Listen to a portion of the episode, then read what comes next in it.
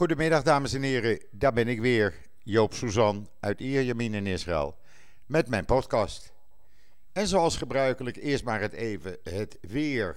Nou ja, het is weer van hetzelfde, zullen we maar zeggen. Eh, het is gewoon 36 graden, strak blauwe lucht. De zon schijnt fel, een zacht briesje, heerlijke zomerdag. Zoals het elke dag een heerlijke zomerdag in dit prachtige land is. En voorlopig, ja, geen verandering in het weer. Dat is dan wel zo makkelijk, je hoeft het niet bij te houden eigenlijk.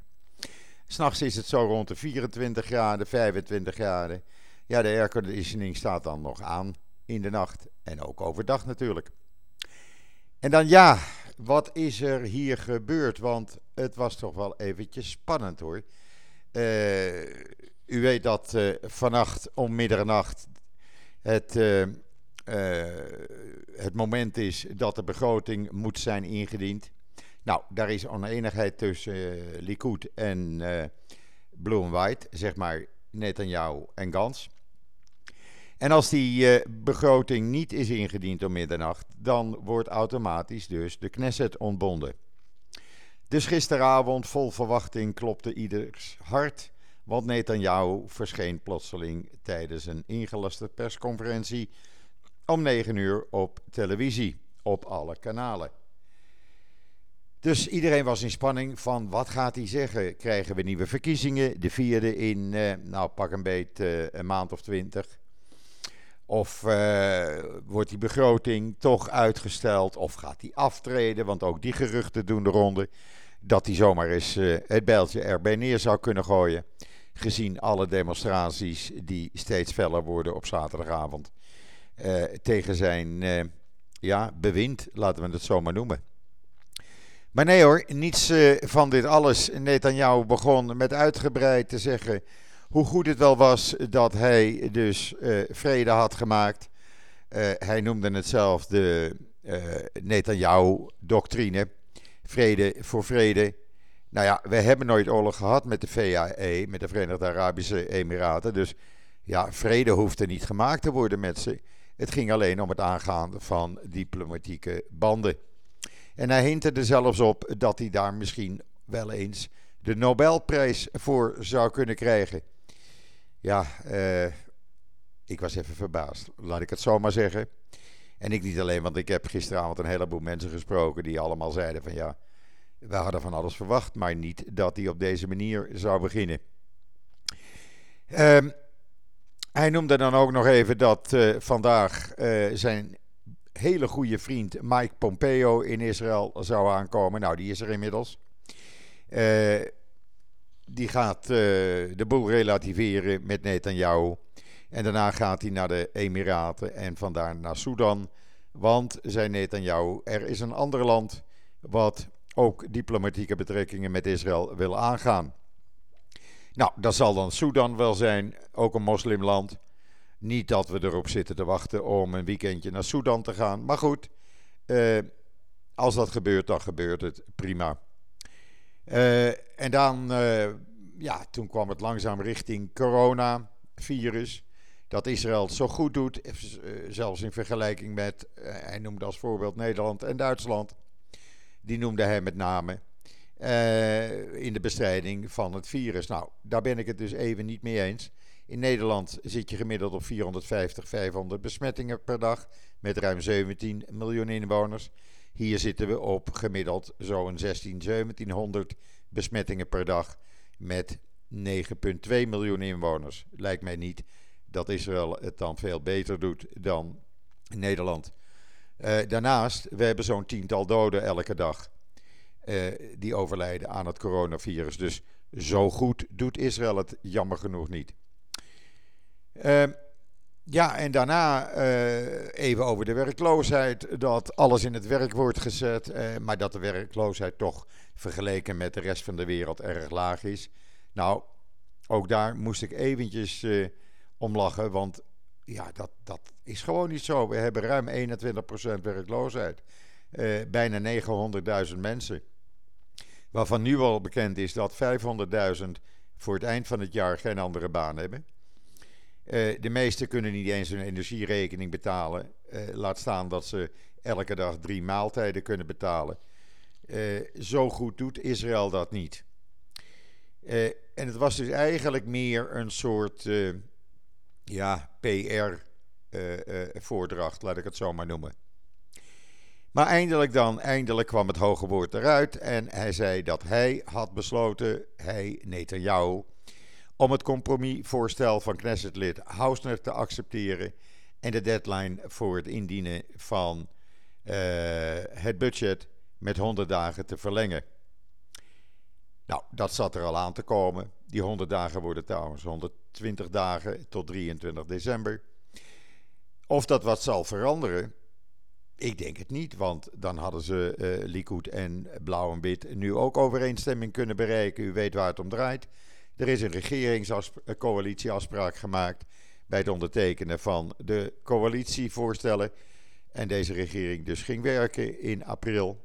En daarbij is afgesproken dat het budget zou worden gemaakt, een begroting zou worden ingediend voor 25 augustus, dus voor morgen, die tot eind 2021 uh, geldig zou zijn. Nou, Netanyahu wil daar opeens vier maanden van maken tot het eind van dit jaar. Dat betekent, ja, dan moet je weer een nieuw budget maken. Dus je kan beter uh, in ene voor ook volgend jaar doen. Dan weet je tenminste hoeveel geld er binnenkomt en hoeveel je kan uitgeven. Maar nee, dat wil hij dus niet. Daarnaast wilde hij uh, hoge functionarissen benoemen, zoals de nieuwe commissaris van politie voor Israël, een nieuwe aanklagers, een nieuwe juristen op het ministerie van Justitie. Uh, en uh, Blauw en Wit zegt: nee, jou, we hebben dat afgesproken. Je moet nou niet alles opeens gaan veranderen. Dat, daar werken wij niet aan mee. Of die situatie dus, laten we zeggen, over 100 of 120 dagen anders zou zijn. Nou, ik denk het niet. in ieder geval, uh, vanmiddag moet de Knesset, de volledige Knesset, nu gaan uh, stemmen over dat uh, wetsvoorstel, wat dus gisteravond door de commissie van Financiën in de Knesset is aangenomen. het zou zomaar kunnen dat er geen meerderheid is. En dan krijgen we inderdaad de ontbinding van de Knesset vannacht. Dus dat wordt nog wel heel spannend.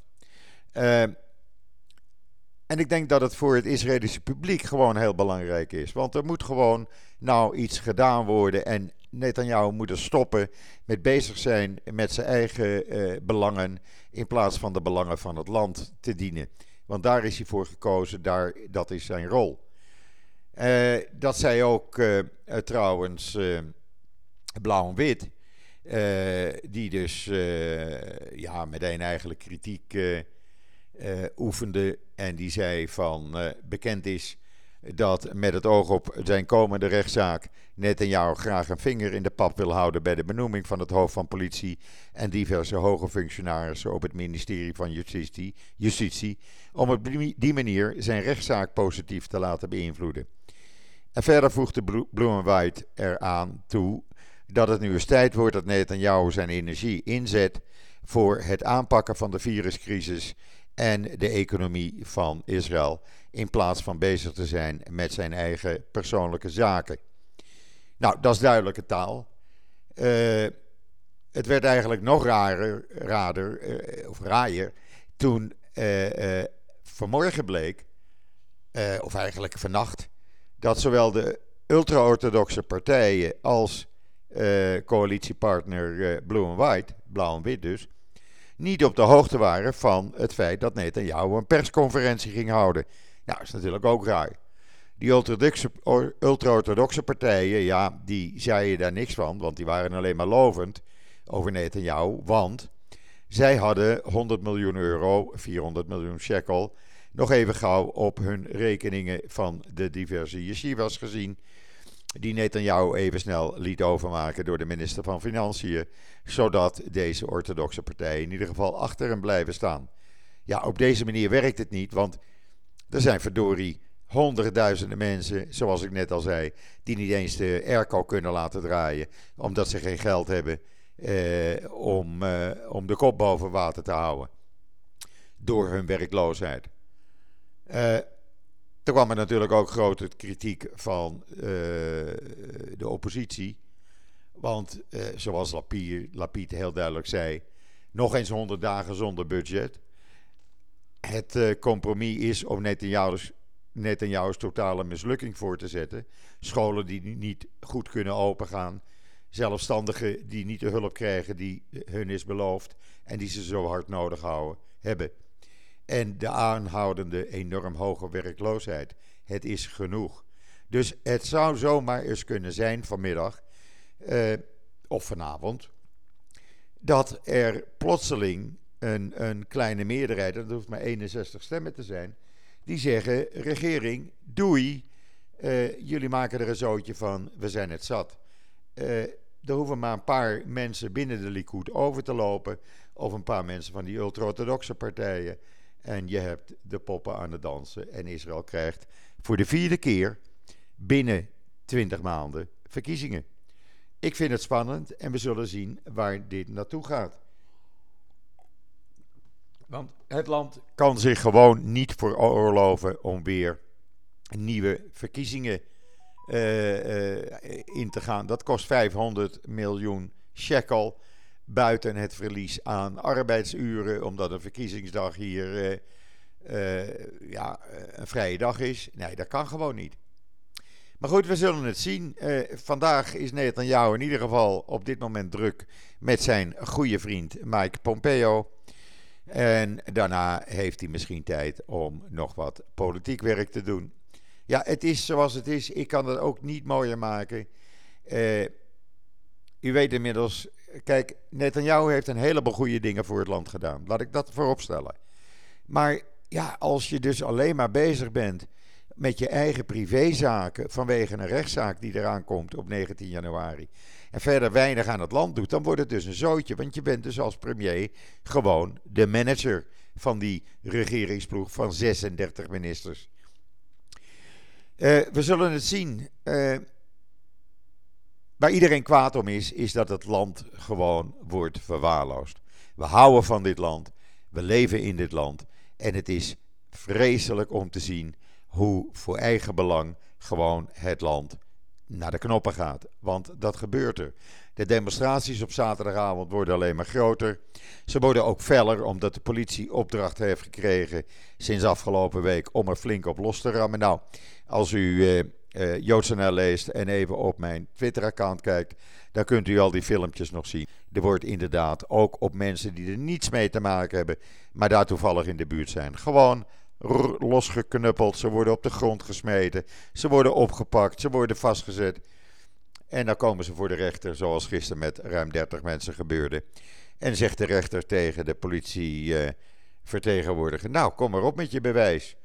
Ja, dat heb ik niet bij me, dat ligt ergens. Ja, waar ligt dat dan? Ja, dat weet ik ook niet. Nou, zegt de rechter: Dan zijn al deze mensen op dit moment weer vrij man en vrij vrouw. Want als je niet met bewijzen komt, dan kan je ook geen mensen vasthouden. Dat is de situatie op dit moment. En het doet gewoon pijn. Het doet gewoon pijn, want het zijn gezinnen met kinderen die demonstreren. Het zijn werklozen. Het zijn mensen die hun bedrijf kwijt zijn gemaakt, geraakt. Het zijn artiesten die nog steeds niet kunnen optreden. Uh, het zijn mensen die strijden tegen corruptie en fraude. Uh, het is een doorsnee van het Israëlische publiek. En ja, er zitten ook rechtse stemmers onder. Echt, geloof me als ik het zeg. Er zitten Likud-stemmers en Yamina-stemmers van uh, Naftali Bennett onder. En dat is dus gewoon een doorsnee van Israël. En men wil het land niet kapot zien worden gemaakt, alleen maar om de belangen van één man te dienen. Dus we zullen zien waar het naartoe gaat. Mocht er aanleiding toe zijn, misschien een extra podcast morgenochtend, ik weet het niet. We wachten eerst even af tot vannacht 12 uur. Maar spannend is het wel, kan ik u zeggen. En dan op joods.nl sinds gisteravond een bijzonder interview met de ambassadeur van de Verenigde Arabische Emiraten in Amerika, meneer Youssef Al-Oitaiba. En meneer Oitaiba die heeft een stuk geschreven voor Jehudot Argenot, waar we een uh, aantal dingen uitgehaald hebben ten aanzien van de diplomatieke betrekkingen die de uh, Emiraten dus met Israël aangaan. En hij zegt dus: twee van de meest dynamische economieën en levendige samenlevingen van het Midden-Oosten gaan nu nauwere banden aan. De Emiraten en Israël. En dat zal alleen maar de groei en innovatie versnellen. De kansen voor jongeren vergroten en lang gekoesterde vooroordelen doorbreken. En ik ben het volledig met deze man eens. Uh, hij zegt ook dat uh, het normaliseren is dus al begonnen. Dat gaat in fase. Uh, er komen samenwerkingsovereenkomsten om het coronavirus te bestrijden. Er zijn al contracten afgesloten. Er is een, ja, we kunnen rechtstreeks telefoneren nu met de Emiraten. de beide ministers hebben dat verleden week al gedaan. U kunt dat zien bij ons op JoodsNL. En op de korte termijn zijn de plannen, zei hij, dat ja, er kan worden gevlogen over en weer. Telecommunicatie, scheepvaart, maar ook samenwerking op het gebied van gezondheid, van water, voedselzekerheid, klimaatverandering, technologie, energie en culturele en educatieve uitwisselingen en bezoeken op ministerieel niveau. Uh, en voegde hij eraan toe de uitwisseling van ambassadeurs en diplomatieke missies zal heel snel volgen. Nou, dat is toch geweldig? Dan staat daar een ambassade van de Verenigde Arabische Emiraten midden in Tel Aviv. Nou, ik beloof u, zodra hij open is, zal ik een foto maken en die zal ik dan eh, op JoodsNL en op Twitter en social media plaatsen. Want dat is toch wel bijzonder. Naast de ambassades van Jordanië en Egypte en ambassade van de Verenigde Arabische Emiraten. Hij uh, nodigde ook uh, alle Israëli's uit om een bezoek te komen brengen aan uh, de Emiraten. Want zegt hij, we hebben natuurlijk het Louvre in Abu Dhabi. We hebben de Sheikh Zayed grote moskee. We hebben ja, de F1 natuurlijk, Formule 1 racing in Abu Dhabi. En dan hebben we nog het grootste winkelcentrum van de wereld met ruim 1600 winkels in het hoogste gebouw van de wereld. En dan hebben we die uitgestrekte woestijnen. Waar je heerlijk een, een tocht met een auto met chauffeur door kan maken. Heuvel op, heuvel af. Nou ja, Israëli's zijn daar gek op en dat weet hij. En die zullen daar ook echt met honderdduizenden naar uitgaan, eh, naartoe gaan. Want, zegt eh, meneer Ortaibe, eh, wij kijken uit naar de dag dat Israëli's, de eerste Israëli's, eh, de Emiraten komen bezoeken. Ja, en dan Israël doet natuurlijk volgende volgend jaar mee met de wereldtentoonstelling in de Emiraten. Waar Israël dus een, in Dubai een, een heel mooi gebouw gaat neerzetten. waar dus alle goede dingen van Israël te zien zijn. Ja, en er is natuurlijk kosher eten nu. Dat zal alleen maar groter worden. Uh, er wordt een, uh, het Abrahamic Centrum in Abu Dhabi geopend. Dat is een multireligieus complex wat volgend jaar klaar is. Waar in drie gebouwen, er is een moskee in een gebouw, een kerk en een synagoge. Dat is natuurlijk heel bijzonder. En ja, hij zegt wat al die andere landen dan roepen, daar trekken we ons niks van aan, zegt die ambassadeur. Want eeuwen van misverstanden en decennia van wantrouwen dat stimuleert alleen maar agressie. En daar heeft hij gewoon gelijk aan. Dus ja, het, uh, het wordt wel een dingetje. Ik kan ook eigenlijk niet wachten eh, op het moment dat we echt met de Emiraten naar, kunnen vliegen naar Dubai. En ik daar, ja, dat je daar gewoon rond kan lopen. Dat is toch fantastisch. Want zei hij er ook nog bij, en daar heeft hij ook weer een puntje. Beide landen hebben uit zand, zand en met doorzettingsvermogen een moderne, toekomstgerichte samenleving opgebouwd. En zegt hij, tot nu toe waren we gescheiden door zeg maar een buurthek. De poort is nu open en samen zullen de Emiratis en de Israëliërs er nu doorheen stappen op weg naar een fantastische toekomst. Waarbij we veel ontdekkingen zullen gaan doen, wederzijds. Ja, dat is natuurlijk uh, geweldig. Uh, wat betreft het bezoek van uh, mensen uit de Emiraten aan Jeruzalem. Die willen de Al-Aqsa-moskee natuurlijk bezoeken en andere islamitische plaatsen. Maar ja, daar hebben we toch even een probleem. Want de Palestijnen hebben heel duidelijk gezegd: iedereen die uit de Emiraten via Ben Gurion Airport Israël binnenkomt, komt niet de Tempelberg op. Alsof zij daar wat over te zeggen hebben. Uh, want die, uh, ja, die Palestijnen die zitten dus nu in een heel moeilijk parket. Nu we het daar toch over hebben, ja, uh, als u joods.nl volgt, dan, dan weet u het natuurlijk. De constante ballonnenterreur die gewoon doorgaat en die niet stopt. Waardoor er elke dag weer tientallen branden ontstaan in Zuid-Israël. En er af en toe eens een raket onze richting uitkomt. Ja, dat moet stoppen. En wat is er nu gebeurd? De commandant van de IDF voor Zuid-Israël, die blijkt de afgelopen dagen in Qatar te zijn geweest. Want Hamas doet dit allemaal omdat ze willen dat Qatar met koffers met 200 miljoen dollar komt. Nee, niet 60 miljoen dollar meer. 200 miljoen dollar om uit te delen onder de armen. Nou, als ik zeg onder de armen, dan begrijpt u wat ik bedoel. Want dan gaat maar een klein beetje echt naar de armen toe. En zolang Qatar dat niet doet, ja, blijven zij met die ballonnenterreur doorgaan en gaat de kostbare uh, uh, landbouwgrond, kostbare natuurgebieden elke dag weer de fik in. Wat mij trouwens opvalt, dat je al die Nederlandse milieuorganisaties, die het altijd hebben over het milieu en we moeten het milieu bewaken en bewaren, die hoor je hier helemaal niet over. Zouden die dan allemaal op de hand van Hamas zijn? Ik kan het me zomaar voorstellen, want anders zouden ze toch een verontwaardiging moeten uitspreken.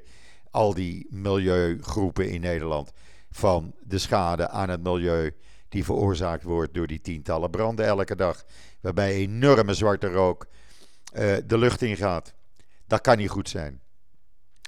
En daarnaast het verbranden van autobanden. Maar ja, daar hoor je die milieuclubs in Nederland niet over. Je hoort ze alleen maar hoe slecht Israël het doet tegen de Palestijnen. Wat dus niet waar is, want als ik nu even naar buiten kijk, lopen er weer honderden uh, Palestijnen hier rond die gezellig een dagje naar de shoppingmall gaat. Ja, ik ga er niet naartoe, want ik ben voorzichtig. Ik hou me een beetje buiten de drukte. Ik wil nog even niet het virus oplopen. Maar goed, ik heb toch genoeg werk uh, aan joods.nl en om u van al het nieuws te voorzien. Dus vandaar dat het mij ook niet zoveel uitmaakt. Maar al die milieugroepen, ja, het is wel opvallend dat ze dus niets zeggen over de ballonnenterreur in Israël. En dat ze het schijnbaar helemaal geen probleem vinden dat als in Zuid-Israël kostbare natuurgebieden de, de lucht eh, verbrand worden, dat dat minder erg is als dat dat in een ander land zou gaan gebeuren. Het is maar even dat u het weet. Dan van de week hadden we ook nog op joods.nl, dat kunt u nog even nalezen. De EU besteedt namelijk uw belastinggeld heel erg goed. Oh ja, zult u dan vragen? Ja. Die hebben de afgelopen maanden 5 miljoen euro's uitgegeven aan het promoten van Oost-Jeruzalem als hoofdstad van een Palestijnse staat. Er is Israël niets gevraagd. Er is Amerika niets gevraagd. De EU doet dat op eigen houtje. Ze hebben het u ook niet gevraagd, denk ik. Mogen wij jullie belastinggeld gebruiken om een hoofdstad voor onze Palestijnse vrienden te creëren? Maar dan weet u in ieder geval waar uw geld naartoe gaat. 5 miljoen euro gewoon in het water gegooid. Het gaat naar allerlei uh, obscure clubjes toe met allerlei rare namen die zogenaamd bezig zijn om een hoofdstad te creëren voor een niet bestaande Palestijnse staat. Dus ja, eh, doet u met deze kennisgeving wat u wilt. Ik heb u alleen uitgelegd waar een gedeelte van uw belastinggeld via de Nederlandse regering naartoe gaat. En met deze uitleg ja, zit ik toch alweer een beetje tegen het einde van mijn podcast aan.